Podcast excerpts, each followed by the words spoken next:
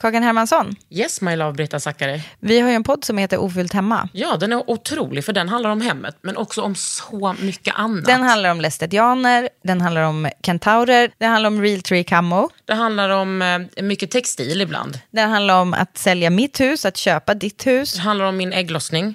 Alltid. Ja. Min också. Tack. Den heter Ofullt hemma och den finns där poddar finns. Hörs i podden, hej då!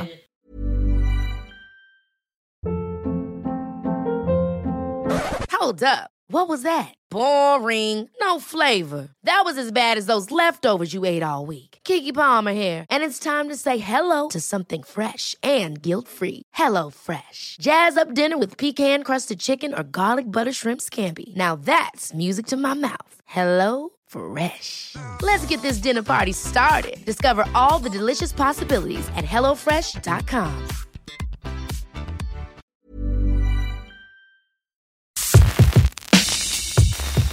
Hej!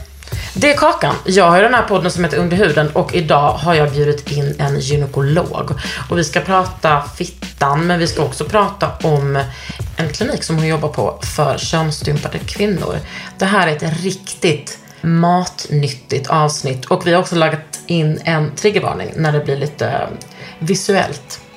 Visuellt, ja ni fattar. Välkommen till Under huden. Under huden. Med Kakan Hermansson. Sia Bergar.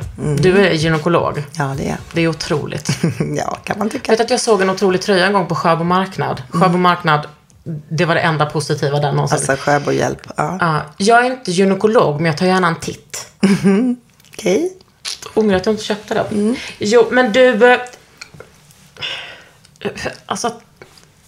Tänk att jag har kompisar som är gynekologer. Det är så jävla maxat. Varför blir du gynekolog?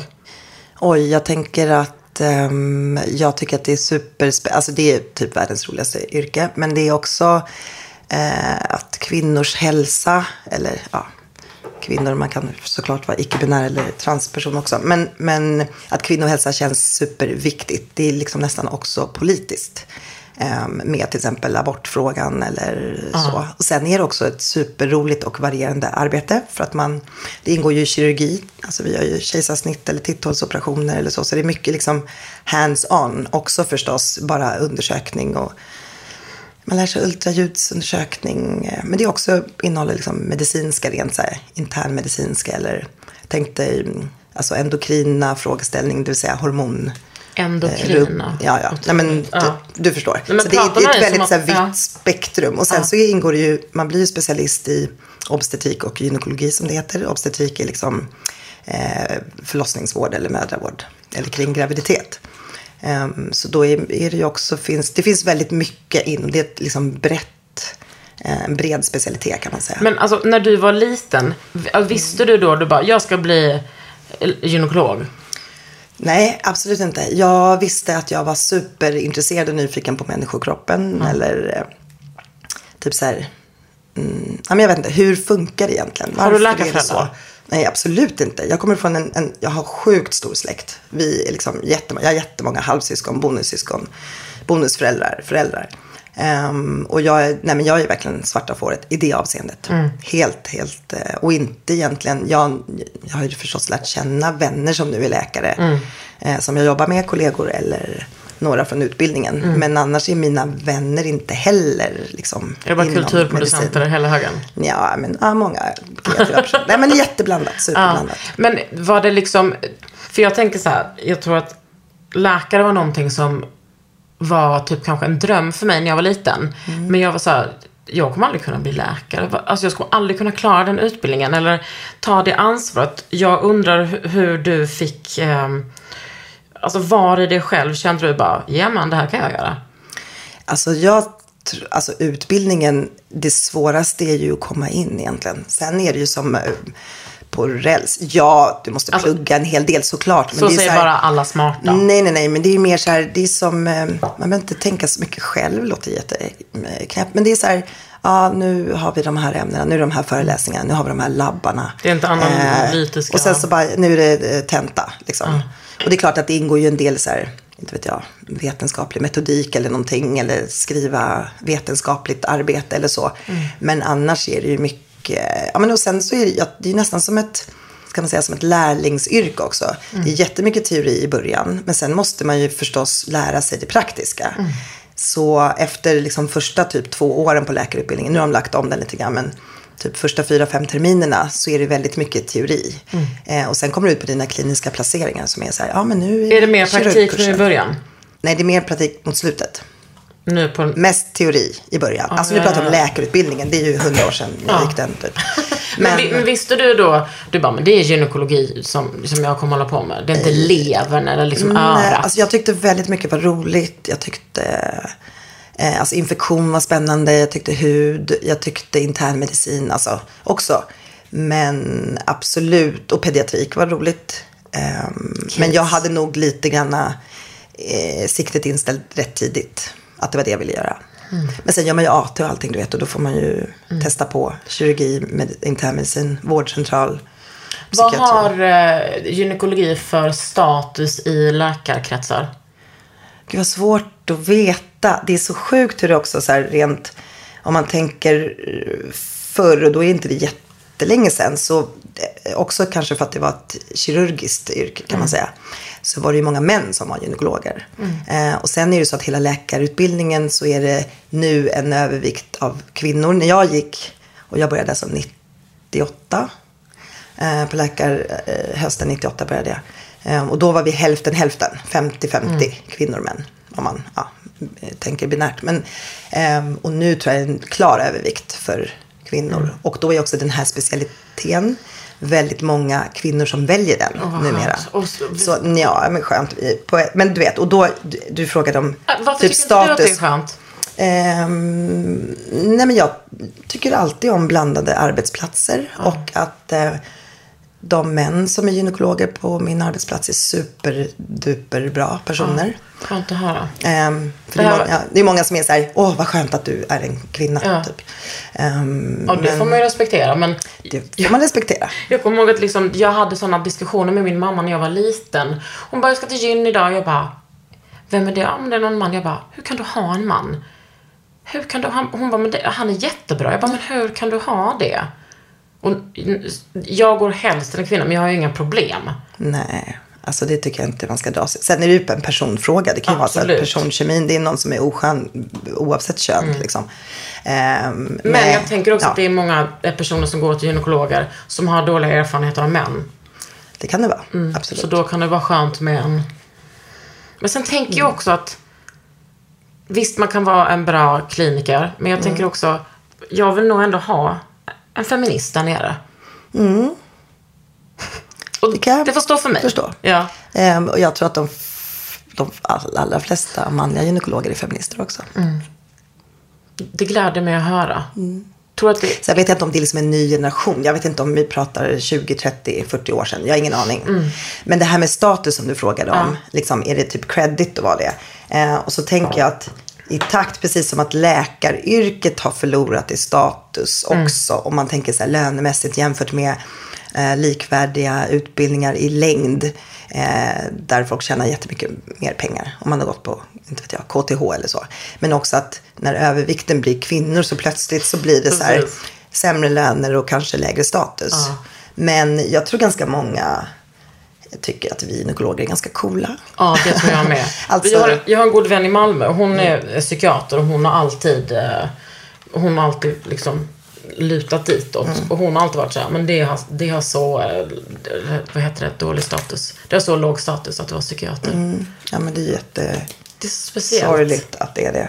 Att det är så. Mm. Jag minns faktiskt, det var också så här, fuck här hör jag hemma. När jag kommer på så här första morgonmötet. Och då har jag suttit och tänkt under utbildningen, alltså först så går man den här fem och ett halvt åriga, nu är den sex eh, utbildningen. Och sen så vickade jag på internmedicin på Södersjukhuset. Vad är internmedicin? Alltså medicin. Det är det som inte är typ kirurgi kan man säga. Alltså kardiologi som har med hjärtan att göra eller mycket annat. Men, ehm, nej, men då har, får man ju se väldigt många olika typer av arbetsplatser. För sen, eh, så jag jobbade, vickade på internmedicin i typ 9-10 månader. Sen gjorde jag AT och då hoppar man ju runt på massa olika och under som läkarkandidat så är man ju också väldigt många olika avdelningar. Man ser Mm. massa olika morgonmöten i olika konstellationer. Och så här, oj på kirurgen var det den här stämningen med liksom en massa stora ego, manliga kirurger, whatever. Eh, och så kommer jag till så här, vår kvinna, och vi är en ganska stor klinik, jag jobbar på Södersjukhuset. Jag vet inte om jag har så här 80 läkare anställda. Så på våra morgonmöten kanske det är, inte vet jag, ett 40-tal kunde vara där. Och då är det så här personer som snackar så jävla mycket och högt och tar plats och har åsikter. Ehm, och det såg inte ut så uppfattade jag på andra arbetsplatser. Och jag Nej, var så här, det var- här, det kändes som att det var så Ah. här, här jobbar en massa starka kvinnor som är coola, har skinn på näsan, Mm. svinduktiga. Liksom. Ehm, så jag tror att gynekologer, förlossningsläkare är ganska tuffa. Ja. Och också att vi, vi är med om mycket akuta situationer. Vi är med i folks liv under otroligt här, stora händelser. Det kan vara sena missfall eller, ja men du vet, mm.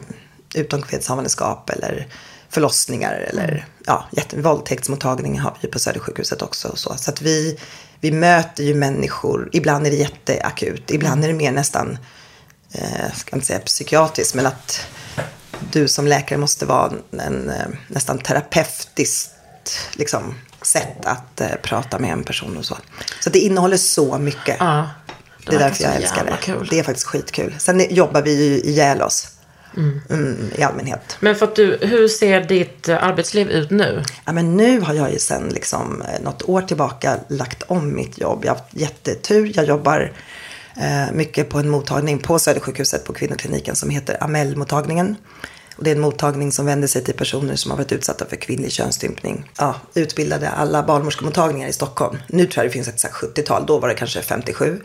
Ehm, i och med att folk får information och kunskap om könsstympning, kunskap om vilka symptom en person kan ha som har varit utsatt.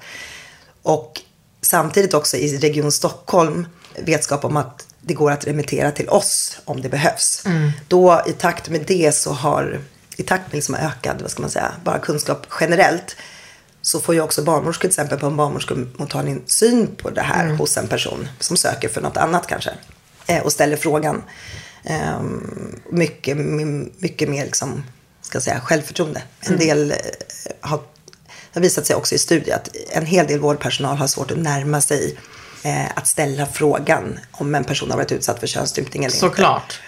Därför att man känner så här, ehm, är jag, ehm, en del tänker så här, är jag rasist om jag frågar för att det här är en person med mörk hy kanske.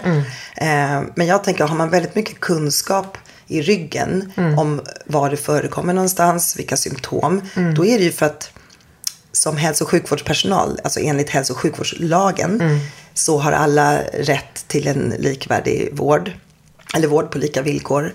Ehm, och jag tycker att vi måste liksom hitta, ehm, för att befrämja hälsa, förebygga ohälsa, så måste vi liksom hitta riskfaktorer som kan påverka till exempel en förlossning.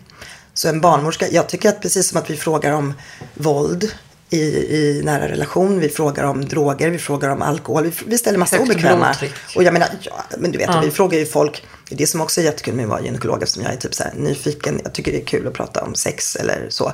Vi frågar ju om väldigt intima saker till patienter och vi, det här är ju också har ju betydelse för hälsan. Och är det så att vi vet med studier att det kan påverka utfallet vid förlossning negativt. ehm, till exempel så har ehm, en, en kvinna som är könsstympad mycket större risk att få en, eh, en bristning på ändtarmen, sfinkterruptur och Då sådär. ska vi eh, prata, vad är eh, liksom kvinnlig könsstympning? Vad är det? Alltså det motsvarar, förut så sa man ju ibland kvinnlig omskärelse. Men kvinnlig könsstympning. Vänta, är det en triggervarning på plats nu? Nej, vad tänker du? Om, det, om känsliga lyssnare. Ehm, Vi säger, ja, jag ja. förstår vad du menar. Nej, men nu pratar jag om begreppet bara. Ja. Sen kan, sen kan vi säga när det blir Ja, men, triggervarning. ja. Alltså så här, WHO, Världshälsoorganisationen, ehm, de anser ju att det ska kallas för Female Genital Mutilation. FGM brukar Vad det betyder förkortas. mutilation? Ja, men det är som stympning kan man säga. Mm. Och, och då är det svenska motsvarigheten kvinnlig könsstympning. Och varför de anser att man ska kalla det för det istället för omskärelse. Mm. Eh, det är för att man ska liksom kunna särskilja från manlig omskärelse. Men också på något sätt tydliggöra allvaret med ingreppet. För det det har ju väldigt stora medicinska, nej, medicinska konsekvenser generellt. Men Eller hur, kan ha. Och nu, nu, nu, nu triggervarnar jag den här Mm, frågan. Va, hur, visst kan det ske på många olika sätt? Jättemånga olika sätt. Ja. Nej, men dels så finns det olika typer och WHO har klassat in i fyra olika typer. Och triggervarning då, möjligen. Eh, men typ 1 brukar man prata om att man har skurit av, eh, det kan vara del eller hela klitoristoppen, alltså klitorisollonet. Eh, och eller för huden till klitoris, klitoriskappan. Som täcker och skyddar liksom klitoris. Precis. Det är typ 1. Typ 2, då har man i allmänhet gjort det plus att man har skurit i de inre blygdläpparna. Alltså skurit av dem? Ja, oftast av. Ibland finns det någon liten rest kvar. Man kanske inte har lyckats ta bort helt och hållet. Ehm, typ 3 kallas också för infibulation. Ibland kallas det för faraonisk omskärelse. Ehm, och det är när man på något sätt har sytt ihop eller fäst ihop blygdläpparna. Och det ser väldigt olika ut. Och då har det bildats i alla fall en hudbrygga framför liksom urinrörsmynning och slidöppningen. Växer det ihop? Ja, man kan sy. Eh, ibland så har man skurit i de inre blygdläpparna och sen får flickorna bli lindade med benen så att de ligger stilla och sårkanterna växer ihop. Men ganska ofta så sätter de några stygn. Men det gör ju att eh, då lämnar man ju kvar kanske en liten öppning liksom längre ner i vulva. Eh, och där ska ju urin och mensblod komma ut. Eh, och om man har omslutande samlag så ska det ske genom den öppningen. Och föder man barn så är det ju därigenom. Det kan ju utgöra ett förlossningshinder då. Men när man gör, när man syr eller kanske snittar och sen sätter ihop, läker Mm. det ihop? Det brukar det göra. Sen kan det vara så att så ofta blir det som en hel hudbrygga som täcker liksom. Som en Barbie? Ja, kan man säga. Of, ganska ofta. Sen är det jätteolika. Ibland har man använt, det vanligaste att man eh, syr ihop eller fäster ihop de inre blygdläpparna. Eh, men ibland är det de yttre. Och det är inte alltid de har skurit av liksom, klitoristoppen och inre blygdläpparna där un- inunder. Ibland när vi gör öppningsoperation så ser vi så här, wow, allting är intakt där under. Eller wow, men ja. Ehm, Ja, fast det är ju lite wow. det kan det vara. Men, och det är också med det sagt, det är klart att den här brukar jag eh, anses vara den grövsta formen. Mest stympande formen. Men det är faktiskt så att alla patienter har inte besvär. Eller härleder kanske inte. Att det tar lite lång tid att kissa möjligen. är ju någonting som de kanske har haft hela livet. Det kanske inte är någonting som de tänker att de lider av speciellt. När, Och det är ganska viktigt att veta också att den här gruppen av personer som har varit utsatta är en extremt heterogen grupp. Så det går liksom inte upp på förhand säga att aha, du är könsstympad. Det betyder att du har eh, liksom psykologiskt trauma, PTSD och eh, du för övrigt, nej men förstår du, har jättemycket symptom eller besvär eller inte har någon eh, orgasmförmåga. Finns det, eh, jag har så många frågor nu. Mm. Finns det en geografisk eh, homogenitet? Eh, lite svår, svårbegriplig fråga. Men Nej, fin- eh, det finns en geografisk utbredning Ja. i, globalt, absolut. Ja. Och var kommer de här ifrån? Eh, och sen beror det på varifrån människor har migrerat. Alltså här i Europa till exempel, eller i Sverige. Så att om man tänker i världen Ja. så är det ett 30-tal länder där den här traditionen eller liksom sedvänjan Mhm. förekommer. Eh, Det är mest känt liksom på afrikanska kontinenten. Det är som ett brett bälte från Atlantkusten till Afrikas horn. Men också ha- har det spritt sig och blivit kulturell sed i Mellanöstern. Eh, Oman, Jemen, Saudiarabien i Asien. Typ Singapore, Malaysia, Indien. Som man inte känner till. Och i Indonesien till exempel så är hälften av alla eh, flickorna könsstympade. Det vet ju inte många. Ehm, och i norra delen av eh, Irak, Kurdi, eh, Kurdistan. Men är det här nu? Nu måste jag sortera. Och då kan man säga så här, beroende på var, för att det här är en angelägenhet över hela världen förstås, på grund av migration. I Sverige så har vi mest patienter från eh, Afrikas horn, alltså det är Etiopien, Eritrea, eh, Somalia, Egypten, men Gambia jättemånga. I Gambia är det 75 procent av alla kvinnor som är könsstympade. Va? Mm, det vet inte folk i allmänhet. Ehm, så är det. Yes. Ehm, och sen har vi, jag missar något land nu, Sudan också har vi en stor del, andel. Och sen kommer folk från lite spridda länder, afrikanska länder eller så. Några fåtal från Iran. Vi har haft någon enstaka från Afghanistan. Det är liksom inte känt eh, att det förekommer där, men vi har sett det på vår Men, mottagning. men då undrar jag så här. ehm, kan man säga så här eh, generellt vilken, Mm. alltså när det görs på de här flickorna? Det är också lika, det här är ju liksom verkligen en, en tradition som lokalt liksom, och regionalt kan se väldigt olika ut, även inom länder. Ehm, så man kan säga att, man brukar säga att hälften av alla flickorna är under fem år och hälften är fem år i världen. Men sen är det vissa traditioner i vissa länder, till exempel Etiopien och Eritrea är det väldigt vanligt att det är spädbarn. Det betyder att de patienterna har inte något minne av det. De har ju liksom inte ett psykologiskt trauma eller minne av händelsen. Men Ehm. kanske smärtminne eller muskulärt minne? Det är svårt att veta. Många har liksom inte några besvär. Och säg att det är en typ 1 och att typ 1 har inneburit att man har skurit klitoris för. Alltså obs, jag vill absolut inte förminska ehm, den här liksom fruktansvärda traditionen som Nej. såklart är liksom kvinnofientligt och det är ett uttryck för kontroll av flickors och kvinnors sexualitet och kroppar. Absolut bör upphöra. Men jag tänker bara att jag tycker att det är superviktigt att ha i bakhuvudet att det här är en jätteheterogen grupp. Och vissa ehm, personer har inga problem alls, har ett fullgott sexliv och inga besvär. Andra har supermycket besvär. Vissa har då bara fysiska besvär, inte psykiska. Eh, medan andra kan ha total PTSD, men när jag undersöker dem är anatomin nästan fullt intakt. Klitoristoppen är fullt intakt. Men de har ett litet ärr i förhuden till exempel. Men minnet av vad som hände, det var kanske en traumatisk situation. Jag har en fråga. Klitoris är ju väldigt lång va? Eh, Klitoris är ju superstor och det är också någonting som vi pratar jättemycket med våra patienter om. Men om man klipper bort toppen, funkar det där inne då? Mm. Ja, du Fan, vet den är ju, gött. alltså du vet klitoris hela struktur, alltså den här liksom anatomiska struktur är ju 8-10 centimeter lång.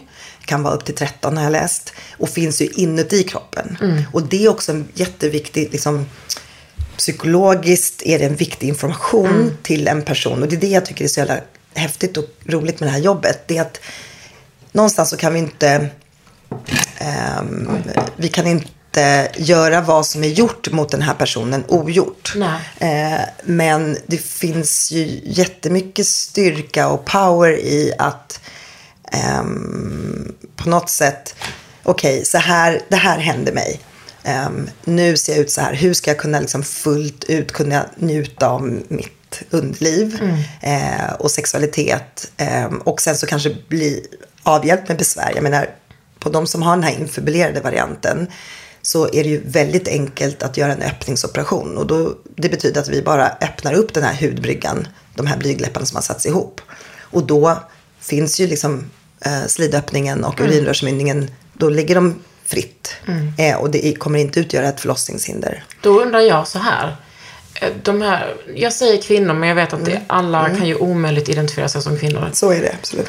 Men de här kvinnorna, ehm, kan det vara så att de bara, jaha, har jag varit med om någonting? Jag trodde jag var född så här. Absolut, för många tittar ju inte sig i underlivet.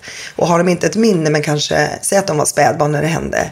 Jag har flera patienter som har fått höra senare i livet av sina föräldrar. Jag minns någon eh, 18-årig tjej, hon kom in och var liksom jätteskärrad. För då hade de haft någon gymnasie, de hade fått information om könsstympning. Hon stod och samlade någon bössa till eh, förmån för någon organisation, du vet, som jobbade mot där. Och sen började hon tänka lite, men vi kom ju, eller min mamma, hon, hade, hon kom till Sverige när hon var kanske tre år eller någonting.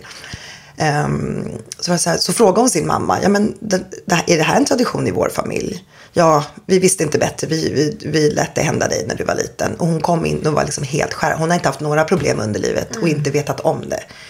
Ehm, så absolut kan det vara folk som inte vet om det. Eh, Skulle du säga generellt att liksom, kvinnorna som kommer till er, är de, eh, bär de på mycket skam?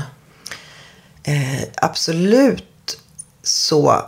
ehm, och då beror det på mm, vad man menar. Tänker du skam över vad de har varit med om eller om sina underliv? Båda två. Eller generellt? Gener- Allting? 100 procent. Alltså jättemånga av mina patienter, vilket gör mig så fucking, höll jag på att säga, får man piper, blippar Om du får säga det i Om jag får säga det i din podd. Eh, jo tack, det får man.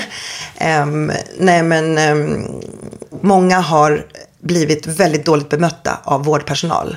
Totalt oprofessionellt bemötta av barnmorskor och gynekologer. Det kan vara någon som kommer på en cellprovskontroll.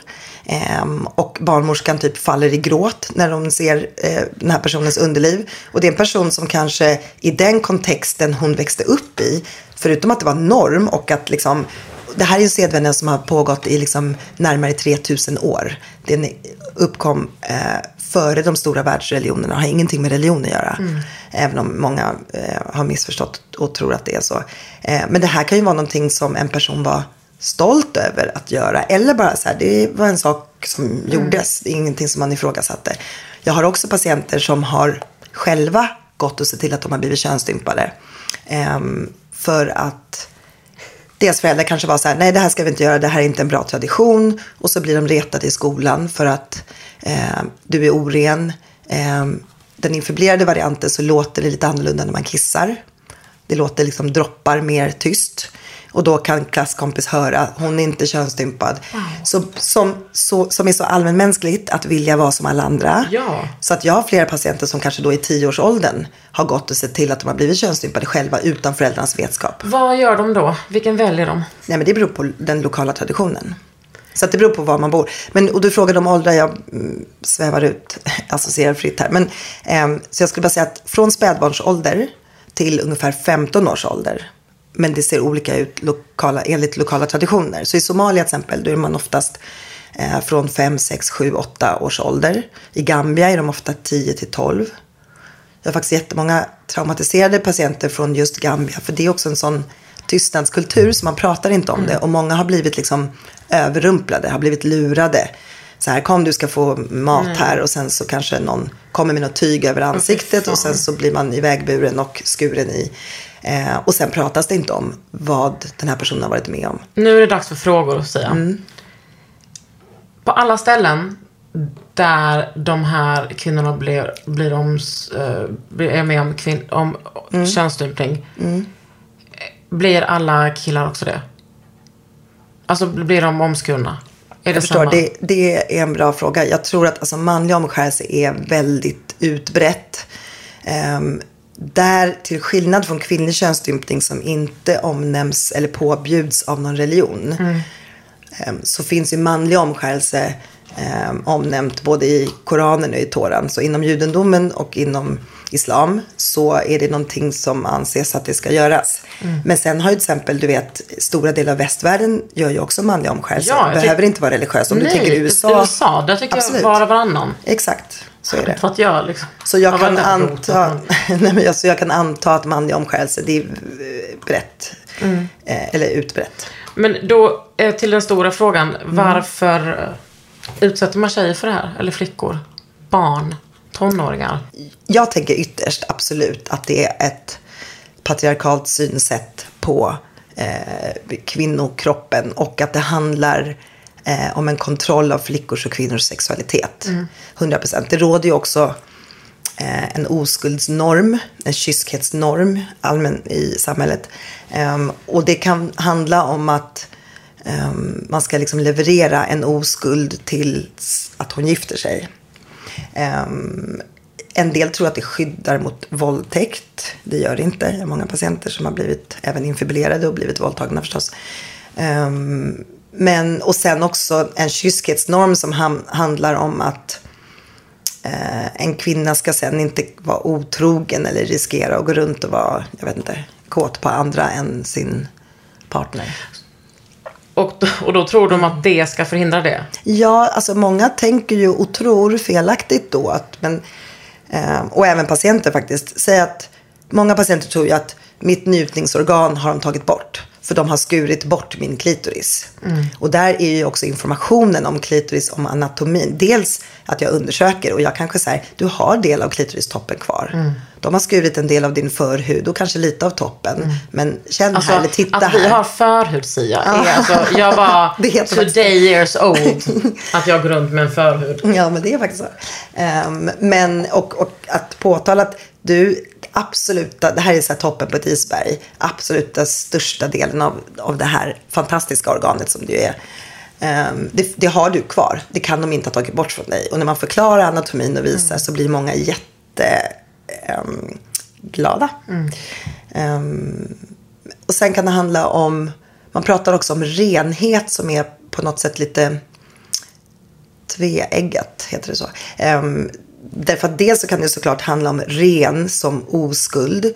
Men också någon sorts idé om att de här delarna på kvinnans underliv är liksom orena, smutsiga.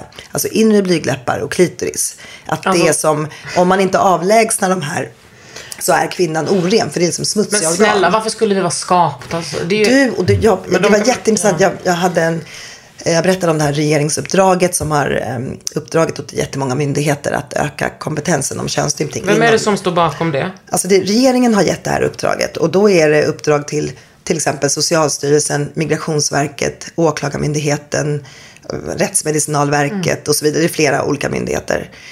Eh, och då har vi, då är det många som kontaktar oss på AML-mottagningen och så kanske vi håller utbildningar och så för de här instanserna. Så var det en myndighet, för jag läste det här regeringsuppdraget. Eh, ehm, och då var det en myndighet, jag bara, de här har inte kontaktat oss. Och det, det, en myndighet som jag aldrig hade hört talas om som hette Myndighet för stöd till trossamfund.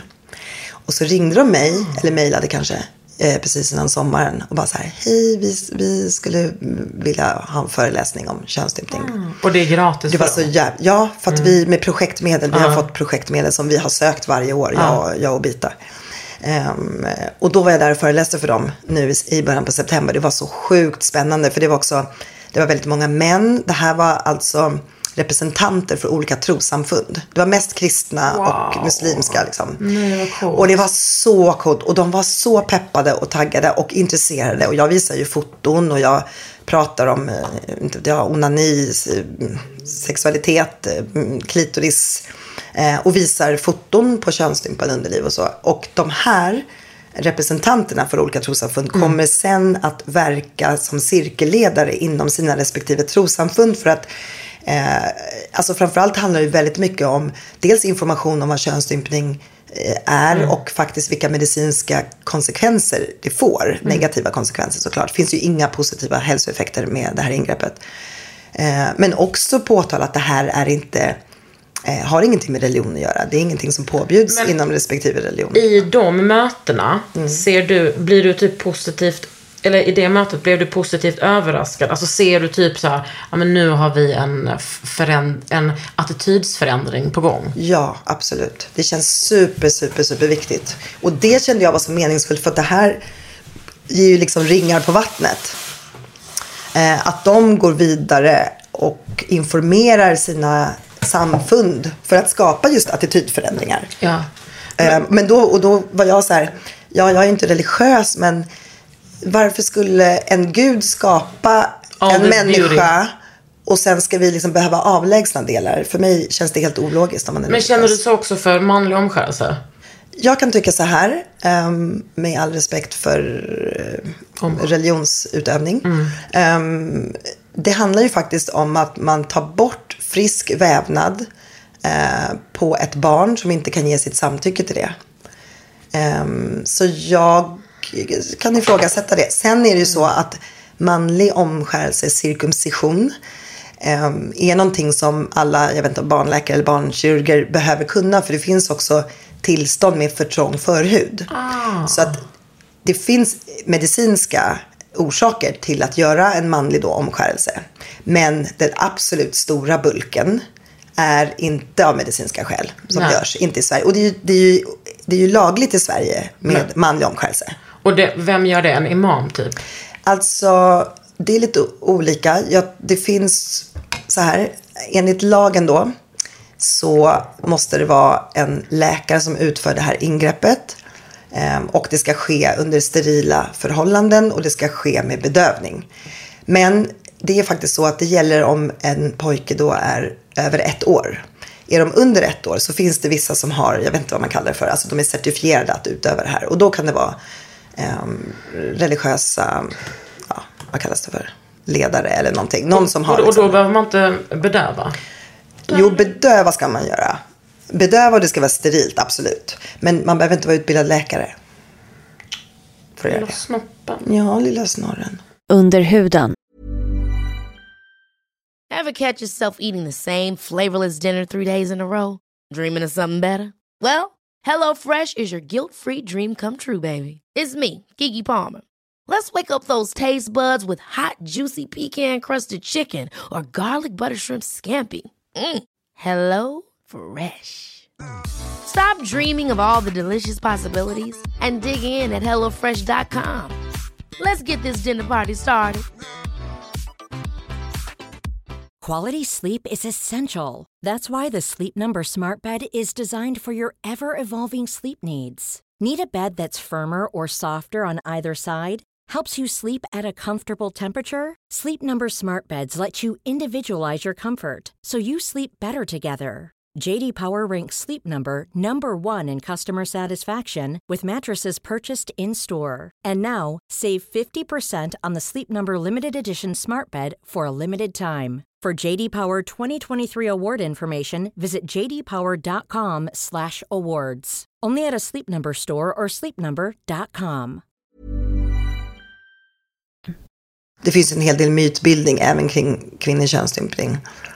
Um, det här med renhet och så. Och där är studierna lite, det, det debatteras. Men, eh, och jag är faktiskt inte så insatt på manlig omskärelse. Nej. Eh, så. Men jag kan tycka, det har ju inte samma medicinska negativa konsekvenser i allmänhet. Det är klart att ett kirurgiskt ingrepp är alltid ett kirurgiskt ingrepp. Men jag menar om man syr ihop fittan, det kan väl inte vara så eh, liksom hygieniskt bra? Nej. Det säger faktiskt jättemånga um, personer till mig um, som har den varianten. Eh, kan vara så här, ja de sa att jag skulle bli ren, men nu du, när du visar och förklarar och jag ser, det här känns ju liksom mer orent, att Mm. flytning och mensblod och urin inte kan komma ut som det ska och så Men vidare. Verkligen att män har tolkat, bara hittat på olika grejer. Ja. Mm. Vad ren är också. Men jag undrar. Men du, tycker inte du att, förlåt att jag avbryter, men Nej. tycker inte du att det känns igen, eller jag i alla fall som gynekolog, eh, kan känna igen någon sorts um, tankeidé kring, alltså jag bara tänker på alla mina patienter, alltså som inte är könsstympade, som ber om ursäkt för sitt underliv varenda gång de sätter sig i gynstolen. Det är ju liksom, det är nästan. 100 procent. Ja, det är så här, om detta "Ja, igår jättelänge." förlåt, stackars dig som måste hålla på där nere och det är liksom äckligt eller luktar illa eller jag har flytning, eh, jag kanske har lite mensblod, jag har inte rakat mig, jag har inte vaxat mig. Jag bara alltså, Jo, men vi lär oss ju, alltså, jag menar det spektrat är så himla brett hur mycket vi hatar oss själva. Mm. Både fysiskt och psykiskt och eh, hur mycket så här, vi lär oss från att vi är barn. För att fittan är gömd också Mm. liksom. Och att killar håller på med sin snorre hela tiden. Eh, och att... det alltså, tycker jag- vi är lite gulligt när de, om de gör det. Åh, jag tänker på det, Nu har du hittat jag tänker på det så mycket eftersom Mm. jag har ett barn med en snopp. Att liksom, hur jag ska prata med honom om det. Och eh, att jag såklart vill liksom uppmuntra honom till att och liksom utveckla en härlig självsexualitet. Såklart. Men jag brukar säga det där för du gör när du är ensam. Eh, sen är ju han aldrig ensam. Men det är bara att, att jag tycker att det är viktigt att ha ett samtal. Och liksom hela den här grejen man har vuxit upp med, med typ så killar runkar i grupp. Och liksom att, att killar lär sig att identifiera sig med sin sexualitet. Absolut. Och deras sexualitet handlar om att alltid att eh, pusha gränser och testa och liksom hela tiden Ja, men där är ju tillåtet. Hel, ja, precis. Hela tiden eh, testa att gå över gränsen medan vi lär oss att hela tiden begränsa oss. Mm. Vi, v- hela vår sexualitet handlar bara om liksom ett förhållningssätt Mm. till typ så eh, makten. Det är därför Absolut. det, är, det blir så jävla confusing Ja men, och där, sen som ja, men där måste man ju säga att vi... Alltså det känns ju igen, det här skammen kring Ehm, då kvinnors underliv eller slidbärares eh, liksom, underliv. Ehm, som jag tycker känns... Alltså, det, det tar sig inte i sådana... Ehm, det är liksom någon sorts ytterst form av eh, förtryck, eller vad ska jag säga, eh, mot kvinnors sexualitet att också könsstympa. Men jag menar bara att idén om att våra underliv är äckliga ehm, eller ser fel ut. Eh, jag menar bara intimkirurgi till exempel som är något som ökar otroligt mycket. Vi har ju inte siffror på det i Sverige. Man behöver liksom inte som privatpraktiserande plastikkirurg eh, anmäla liksom hur många eh, ingrepp som görs. Men vi vet Och Sverige brukar ligga ganska i linje med USA. Och USA har det liksom seglat upp intimkirurgi och blivit den största plastik... Du fucking driver. Nej, det är sant. Och då, alltså tidigare, alltså tänk 90-talet, ja men då är det liksom tuttarna. Eh, och det går ju olika trender. Och på vissa håll i världen så är det kanske asset liksom.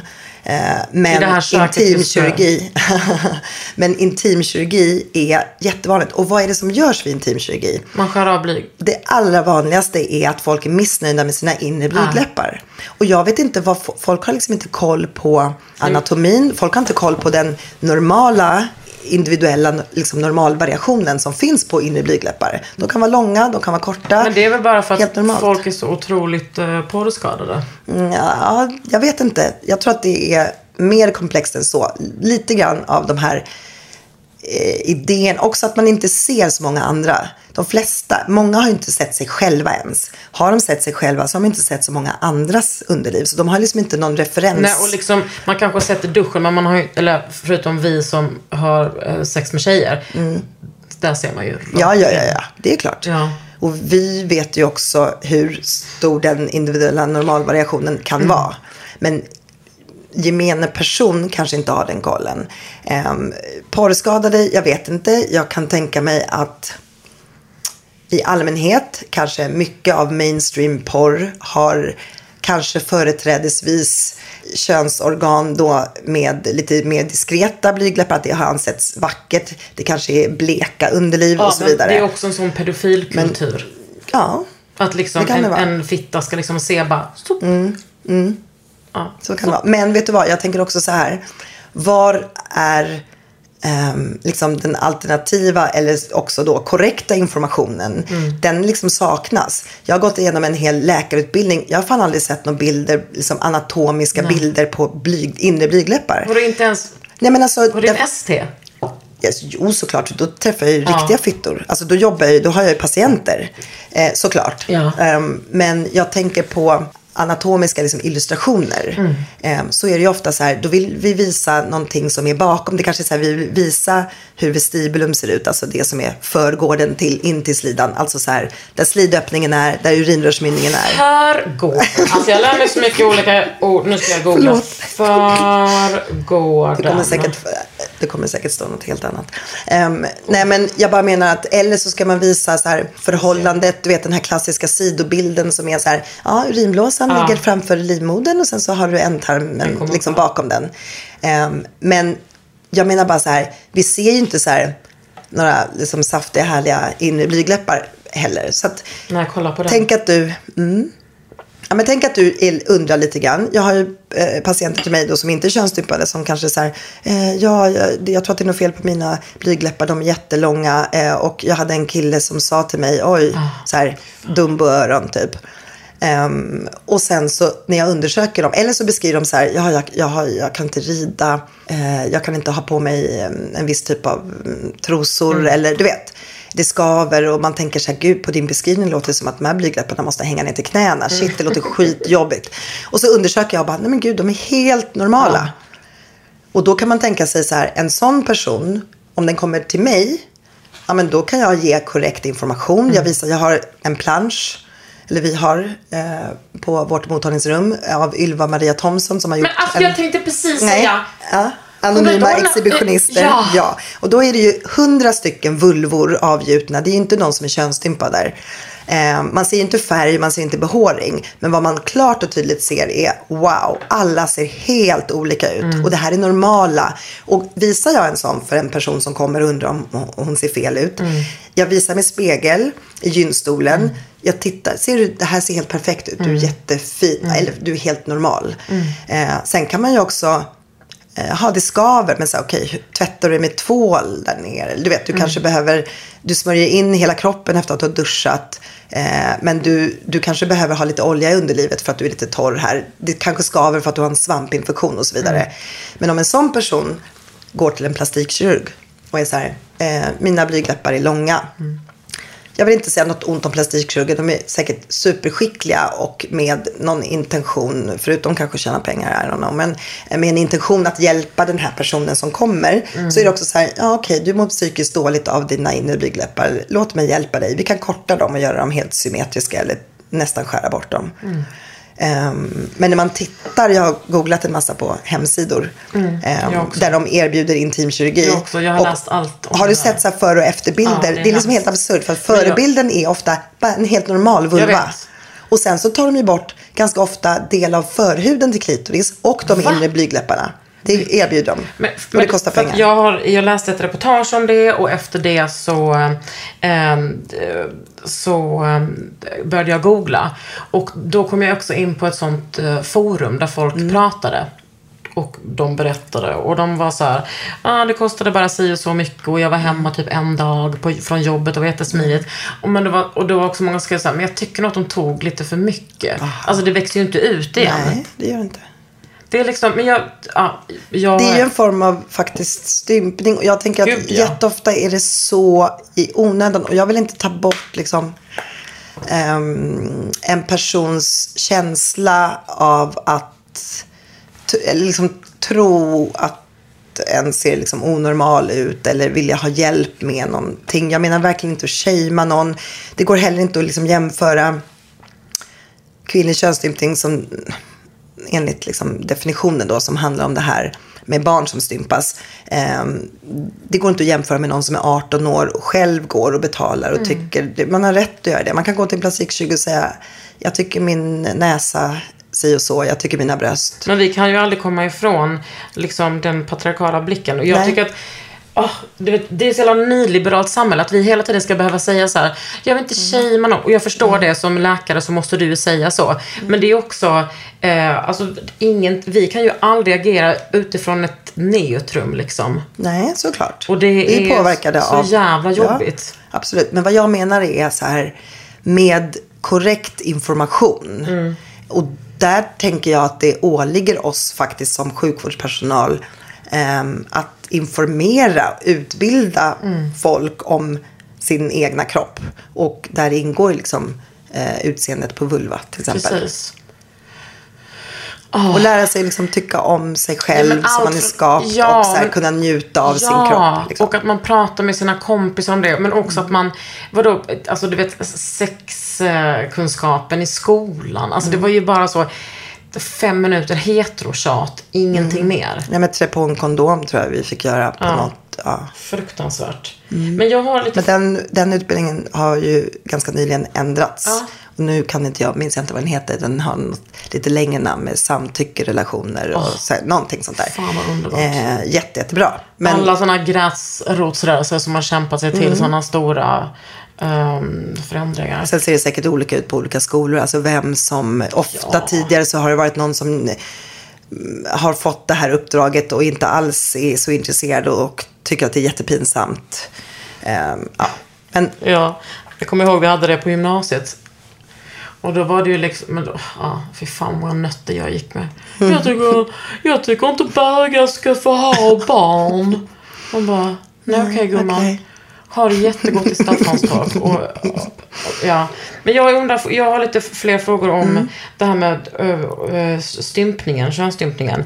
Är det liksom, när man gör det, Ska man, är det då meningen att man inte, när man då väl gifter sig och skaffar sig en man som man ska leva med, ska man inte få ha kul sex då heller? Eller han ska inte få njuta av hennes fitta? Alltså vad, Ja. vad, vad tycker liksom, när man har haffat någon och gift sig, vad har fittan för relation, alltså vad har fittan för funktion då, förutom att föda barn? Ehm, nej, men mycket är ju tyvärr till för också liksom, manlig njutning. Med det sagt att det är jättemånga par som också kommer till mig. Det är inte alls eh, njutbart att ha liksom en tre millimeter stor öppning och försöka. Och det kan vara en ganska förtvivlad partner som är så här, jag vill inte göra illa henne och det är inte härligt för, för någon. Liksom. Och då har ni Ehm, mandat att öppna upp? mandat, alltså det är ju personen... Mandat. och då har de ni mandat, att öppna. mandat att Nej, vad jag öppna? menar är om en person vill genomgå en öppningsoperation. Ja. Och jag kan ju förklara varför jag skulle rekommendera det beroende på besvär som en person Mm. har till exempel. Eller att det utgör ett förlossningshinder. Vi har ju ganska många gravida som kommer till oss på remiss från Och vad barnmorskemottagningen. händer då om man är ihopsydd? Ja, då är det ju ett förlossningshinder när, när hon ska föda. Och vad gör ni då? Då gör vi en öppningsoperation. Det är Innan? jätteenkelt. Ja, vi, vi rekommenderar att det görs innan av några olika anledningar. Men om det görs i lugnt skede, till exempel under mitten av eh, graviditeten, så hinner det läka. Det är en enkel operation. Det tar 10-15 minuter. Gör det sånt? Ja, absolut. Wow, så eh, I lokalbedövning gör jag nästan alltså 95 procent. Eh, det går jättebra. Man lägger liksom bedövning i den här hudbryggan. Eh, lyfter upp den lite med ett instrument, öppnar, sätter stygn på, kant- på sidorna. Och så hinner det läka, det läker snabbt. Ehm, och då kan, när den här personen kommer in i verkarbetet i förlossningen, så kan barnmorskan fokusera på det som hon gör vid alla andra förlossningar. Dels går det att övervaka förlossningen, alltså känna hur så här, livmoderhalsens öppningsgrad. Eh, men också faktiskt med tanke på att ehm, kvinnor som har genomgått könsstympning är överrepresenterade, alltså två, tre gånger ökad risk för sfinkterruptur, alltså bristning av ändtarmsmuskeln. Eh, så kan också barnmorskan faktiskt fokusera på att hålla det här perinealskyddet, alltså skydda bäckenbotten vid huvudet och liksom, eh, kroppens Tror framfödande. du att liksom de barnmorskorna som utbildas nu, är detta Mm. mer in, eh, liksom, är det mer en naturlig del av deras utbildning? Ja, alltså jag kan inte svara för resten av landet. Men i Stockholm så föreläser jag till exempel på barnmorskeutbildningarna. Ja, men du, jag tror faktiskt att mitt ex har haft dig. Så kan det vara. Mm. Ehm, det har vi gjort i, ja, sen 2017, sen vårt projekt började. Eh, så har vi föreläst eh, på barnmorskeutbildningen till exempel. Så att, och det är någonting som vi även föreläser för eh, barnmorskor på kvinnoklinikerna i Stockholm. Men traditionellt sett så har det varit så att eh, man har tänkt så här, ja men vi öppnar i samband med barnets födelse. Och det görs också på många håll i världen där man har den här infibulerade varianten. Jag kan faktiskt säga så här att 10-15% av all könsstympning är den här infibulerade varianten globalt. Så det vanligaste med typ 1 och 2 som jag nämnde tidigare. Och sen finns det en lite mer ospecifik typ som heter 4, typ 4. Och det är liksom att man har skadat, eh, på annat sätt skadat underlivet. Ehm, till exempel prickning eller snittning eller någonting. Och det behöver ju inte ge ens några fysiska ärr, eller bestående ärr eller skador. Det är det mest kvinnohatiska jag har hört. Att man...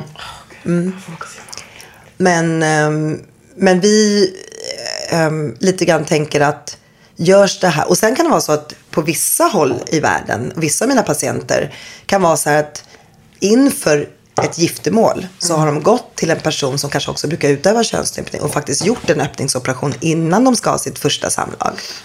Andra patienter jag har kan vara så här, som är infibulerade då, eh, kan vara så här, ja första året jag hade sex med min man var det jättejobbigt, det var liksom jättesmärtsamt och trångt för att det var så liten öppning.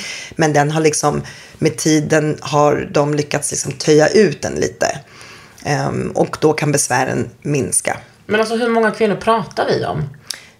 Tänker du Sverige eller världen? I världen eh, uppskattas över 200 miljoner kvinnor har varit utsatta för könsstympning och varje år könsstympas över 3 miljoner flickor. Jag läste en siffra på 3,9 miljoner sist. Och det ökar, även om det görs ju jättemycket arbete. Det finns jättemycket liksom aktivism och organisationer och även på statligt håll. I de flesta länder där det utförs som tradition så är det också olagligt att göra det. Så att det kan ske på olika sätt. Och ganska många beskriver hur de blev öppnade i samband med förlossningen. Men många av mina patienter som har fött barn i sitt hemland, då är det faktiskt så att man har inte gjort en öppning, en komplett öppning av det som har blivit stängt, det vill säga blygdläpparna. Utan vad de gör då är, som vi kallar för perineotomi, att man gör ett klipp i mellangården. Eh, och det gör vi ibland, det måste vi göra ibland när det är bråttom att få ut ett barn eller vi ska lägga en sugklocka, men det kanske vi gör i, jag vet inte, några procent av alla förlossningar. Eh, men då gör de det som regel. Så att de öppnar bara pyttelite i hudbryggan uppåt och så ofta gör de en dubbelsidig också klipp neråt. Vilket kan ju förstås ge jättemycket besvär med prolaps och så eh, i efterhand. Alltså, men finns det någon som kommer och är, är stolt men bara, ah, det är lite problem, men jag, det här är toppen för mig? Ja, ganska många har i alla fall haft den synen under sitt liv. Alltså, ja, men om du tänker dig själv, det är en nästan 3000-årig tradition. Om till exempel som i Somalia, eh, det ser lite olika ut på olika orter, men Unicef eh, uppskattade att ungefär 98 procent av alla kvinnor mellan 14 och 49 år är könsstympade i Somalia. Och varför, de som inte är det, varför är inte de det? Det kan inte jag svara på. Nej. Det kan, och jag menar, det Är det finns ju... klassrelaterat? Nej, det, det tror jag inte. kanske hur, hur det görs eller var det görs. Traditionellt sett så är det ju liksom ehm, görs det av eh, en person liksom i hemmet utan bedövning, att det inte är någon sterilitet alls. Jag vet att någon eh, patient var så här, hennes, ja hon var så här, det gjorde jätteont såklart och jag var rädd och, och det blödde. Men jag kan inte, liksom, det enda jag kan tänka på är att den här personen använde samma rakblad till alla oss flickor som var där, till exempel. För det kan göras liksom på en enskild flicka eller så kan det göras som i grupp eller att man lite löpande band, de flickor, eh, det kan vara syskon, alltså systrar eh, eller kusiner eller liksom något grannbarn som är i den åldern där det brukar göras just i den kontext, kontexten. Men ja, som svar på din fråga så kan det ha varit så att eh, då att ha genomgått det. För vissa är det ju inte något traumatiskt. Vissa kanske vet om det. kanske är en fest efteråt. Eller så här, nu tillhör du någon sorts gemenskap. Nu blir du ren eller blir liksom eh, som en eh, invit till vuxenvärlden. Eller för faktiskt en garant att den här personen ska kunna till exempel gifta sig eh, när den blir äldre. Och det är också någonting som det här med Eh, så, så ja, många kvinnor kan ha varit absolut stolta över att de har genomgått den här könsstympningen. Och många har som sagt inte problem. Men finns det kvinnor som, kom, som, du, som är dina patienter som också bara, men jag vill göra det här på min dotter? Nej, jag tänker att i och för sig kan det vara så att jag har en selekterad grupp patienter som kommer till mig. Antingen för att de är så här, jag har besvär. Det är också otroligt så här, jävligt, alltså du vet, det är så coola eh, typer. Jag älskar mina patienter. Em, som är liksom, eh, det kan vara normbrytande och som en motståndshandling. Ja. Att komma till en gynekolog, jag har de här besvären, jag vill bli hjälpt. Eh, det är så bejakande av eh, livet och kroppen och sexualiteten. Och det är därför jättemånga är ju så här, gud du jobbar med könsstympade kvinnor och eh, ser för sig någon eh, förtryckt eh, person som inte kan njuta av sex och bara, nej, det är helt vanliga människor. Och där tänker jag också att det är, det är sån otrolig, liksom, det är ett budskap jag vill, alltså vi är så lika vi människor. Eh, och vi tror så här, ja, eh, du vet, det är också så här, Men vadå, det är väl alltså de voka, med vokabuläret. bruna kroppar och det, att det Ofta, alltid är inte de- alltid. Nej, Mm. men ofta. Men, eh, och att det alltid är de andra. Mm, absolut. Och det är också det som Och, det, drabbar dem. och jag tänker också att det är det som är risken. Och det är därför jag försöker så här, dels beskriva att det är en heterogen grupp. Eh, folk behöver inte ha besvär eller vara ehm, lågutbildade eller Mm. så. Men i bemötandet med en person. Alltså jag tänker att ofta när man pratar om kvinnlig könsstympning så är det många som är så här, pratar om det som i barbariska termer. Alltså det är en, eh, ett vokabulär som verkligen gör skillnad på oss och dem. Ja, det där förekommer på afrikanska kontinenten, barbarer. Och så manlig omskärelse som är kanske jätteutbrett i, i västvärlden. Så ser man inte alls det på samma sätt. Liksom. Nej, men det är väl också för att man är exponerad för penisar som är omskurna på ett annat sätt liksom. mm, kanske. Men ehm, görs det i Sverige? Nej, det är ingenting som jag vet och det är det kan såklart ha hänt. Jag tror det vanligaste med personer som kanske är födda i Sverige, för det finns några, jag har träffat några patienter som också sen eh, när jag undersöker dem så ser jag att de är omskurna. Jag tror att det vanligaste scenariot i de fallen har varit att familjen har rest tillbaka till sitt hemland på besök. Ja. Och där har eh, flickan utsatts för könsstympning. Och det är ju också olagligt i Sverige. Att även om det görs i ett annat land av en annan person när man är bosatt eller har en anknytning till Sverige så är det också olagligt. Och där kan det ju vara, det är också så speciellt för att liksom hierarkin i en familj kan se otroligt olika ut. Ehm, och det är någonting som vi kanske har svårt att tänka oss att någonting skulle ske med våra barns kroppar utan att vi liksom godkänner det. Hanna. Men det är verkligen, eh, det är svårt att stå emot därför att det kan vara eh, en mormor eller en svärmor eller en grannfru eller en moster som tar saken i egna händer. Ja, det är kvinnor som gör det. Absolut är det kvinnor som upprätthåller traditionen. Och det har med många olika saker att göra. Jag tänker att Alltså det är inte ovanligt. Det här lyder ju under paraplyt hedersrelaterat våld och förtryck.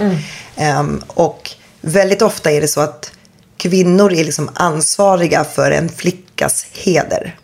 Ehm, och Mm. Men det är inte de som håller i upprätthåller traditionen. Det är kvinnor som oftast håller i rakbladet. Det är det i absoluta majoriteten av fallen. Wow. 100 procent. Men, sen så, men sen är strukturen, ehm, jag tänker att det är ett pat- patriarkalt synsätt på kvinnokroppen. Men upprätthållandet av traditionen är ofta kvinnor. Kan man, kan man se typ, um, finns det några eh, liksom, geografiska exempel där det är så här, ja, här borde det förekomma väldigt mycket könsstympning, men av någon annan anledning så gör det inte det. Ja, alltså till exempel Sudan ehm, så är det ganska intressant. För det finns byar i Sudan där man i princip aldrig har hört talas om det här. Eh, medan Sudan, nu minns jag inte procent, alltså andelen kvinnor som är könsstympade, men det är någonting på så här 90 procent eller någonting. Det är väldigt många. Men det finns också ställen där det absolut inte förekommer. Tänk att du som är en sån fantastisk person är gynekolog. Det är så, jag är så jävla glad för Ja, men det. det jag är så glad för att jag får träffa alla de här patienterna som jag träffar. Det är liksom det det. bästa, bästa. Och det är faktiskt så på den här mottagningen också. Ehm, det är klart att jag kan göra jättemycket nytta. Eller vad ska jag säga. Jag kan ha jättefina patientmöten och det kan Mm. kännas betydelsefullt för någon som möter mig. Men här känner jag varenda patient. Mm. Och jag har inte ens gjort någonting extraordinärt. Jag, är, ehm, alltså jag, jag bemöter människor med respekt men också är ganska mm, outspoken eller pratar eh, om sex eller det är så här, ja men ja, jag har aldrig fått orgasm till exempel. En person som är könsstympad jag så här, ja men nu ska vi hjälpa dig att få det. Eh, sådär, att man, vi googlar vibratorer eller, eh, men att jag pratar om det Ja, jag vet inte, det, bara, det känns så meningsfullt. Och det är som att jättemånga bara av att ha fått information, av att ha fått se sig själva, är liksom helt rörda efter. Och jag får liksom så mycket kramar från mina patienter. gud. det är liksom bäst. Det här får jag gåshud. Ja, men det tror är faktiskt du att, möt, att du är brun, tror du att mötet med dem som kan vara bruna oftast eh, blir lättare? Jag måste säga att jag har tänkt på den aspekten och det är nog någonting som jag Alltså jag går ju runt hela tiden och vet om hur jag ser ut. Jag blir påmind av eh, liksom andras blickar på mig. Ehm, och jag har nog inte tänkt på um, förrän när jag började jobba med den här patientgruppen att det har liksom betydelse faktiskt kanske också att och jag har inte en personlig erfarenhet av könsstympning. Men du vet när jag kommer ut i väntrummet och ska hämta någon så ser jag bara en så här lättnad och en, någon sorts så här wow när jag kommer ut och ser ut som jag gör. Och det är faktiskt helt, ehm, det är obetalbart. Och då tänker jag, och då inser jag också att, ja just det, när jag går ut och hämtar så här Anita Svensson och ropar upp den här personen. Anita Svensson var bara totalt påhitt. Eh, men så kan jag liksom minnas då plötsligt hur jag ganska ofta kanske ser något eh, väldigt diffust, otydligt, så här lite tvekan i deras blick. Och sen så presenterar jag mig, för mitt namn är ju Cecilia Berger. Så det gör att när de säger jag ska till Cecilia Berger, doktor, så kanske en del blir förvånade av att jag ser ut som jag gör. Ehm, sen börjar jag prata, så bara, oh vad skönt, hon pratar svenska typ, hon förstår. Nej men du vet, inte vet jag. Och sen så kan de ju tycka att ah, det här var ett jättefint möte. Ehm, men så det har betydelse och jag tror att i hela mitt liv, och det är ju typ lite eh, kanske sorgligt, men någonstans så har jag kanske känt ganska ofta att jag måste vara lite duktigare, lite trevligare, ehm, ja men så här, veta vad jag pratar om och i patientkontakt eller överhuvudtaget i livet. Liksom. Ehm, mitt ex sa det till mig så här, gud du ska alltid så här, resa dig för folk på tunnelbanan. Ja men det är väl klart, det, men jag är ju fucking väluppfostrad. Um, är du gravid eller äldre eller du vet så här. Men han menade att det också fanns något sånt här att jag ska visa mig lite, ja men nu ska inte någon få någon liksom, vatten på sin rassekvarn. Precis, Du måste ta ansvar för alla Ja. som rasifieras i Ja. hela världen. Men du, ehm, that's all for today. Är det sant? Ja. Men kan man boka er som, på, som föreläsare? Ja, det beror på vilket sammanhang. Ja, testa om ni vill det. Amel-mottagningen. Ja, ja, ja, du menar så. Ja, absolut. Man kan kontakta, vi har ju väldigt mycket förfrågningar. Och numera är det så, det kan vara hur behjärtansvärt som helst att det är så här, hej, jag jobbar på den här vårdcentralen där och där. Eh, vi har hört så gott om er, skulle ni kunna komma och föreläsa för och säger så här, ja, hur många jobbar där? Nej, men vi kanske blir åtta personer. Och vi har inte riktigt de resurserna. Eh, men då kan det vara så här, kan ni samla, ganska, ni kanske Mm. kan samla barnavårdscentralen eh, och eh, ungdomsmottagning och bla bla bla. Mm. Och, så, att det kommer, så att det känns lite meningsfullt att ganska många får den här informationen. Eh, men vi håller faktiskt på just nu att göra informationsfilmer. Eh, som jag tänker att då kommer man kunna hänvisa till dem också. Om könsstympning. Både för patientgruppen men också för hälso och sjukvårdspersonal till exempel. Du ska inte doktorera? Det har jag redan gjort. Men sluta, vem är du? Du Men det handlade- ja, Ja, nu lyssnar på Under huden med mig, Kakan Hermansson. Och vad heter du? Jag heter Cecilia Berger.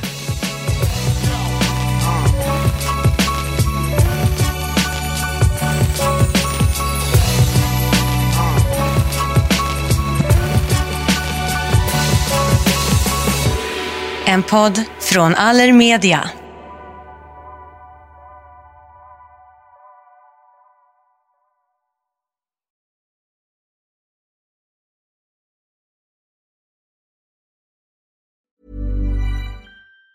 Planning for your next trip? Elevate your travel style with Quince. Quince has all the jet setting essentials you'll want for your next getaway, like European linen, premium luggage options, buttery soft Italian leather bags, and so much more. And it's all priced at 50 to 80% less than similar brands. Plus, Quince only works with factories that use safe and ethical manufacturing practices. Pack your bags with high-quality essentials you'll be wearing for vacations to come with Quince. Go to quince.com slash trip for free shipping and 365-day returns. Ever catch yourself eating the same flavorless dinner three days in a row?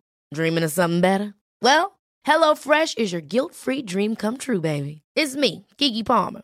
Let's wake up those taste buds with hot, juicy pecan-crusted chicken or garlic butter shrimp scampi. Mm. Hello Fresh. Stop dreaming of all the delicious possibilities and dig in at HelloFresh.com. Let's get this dinner party started.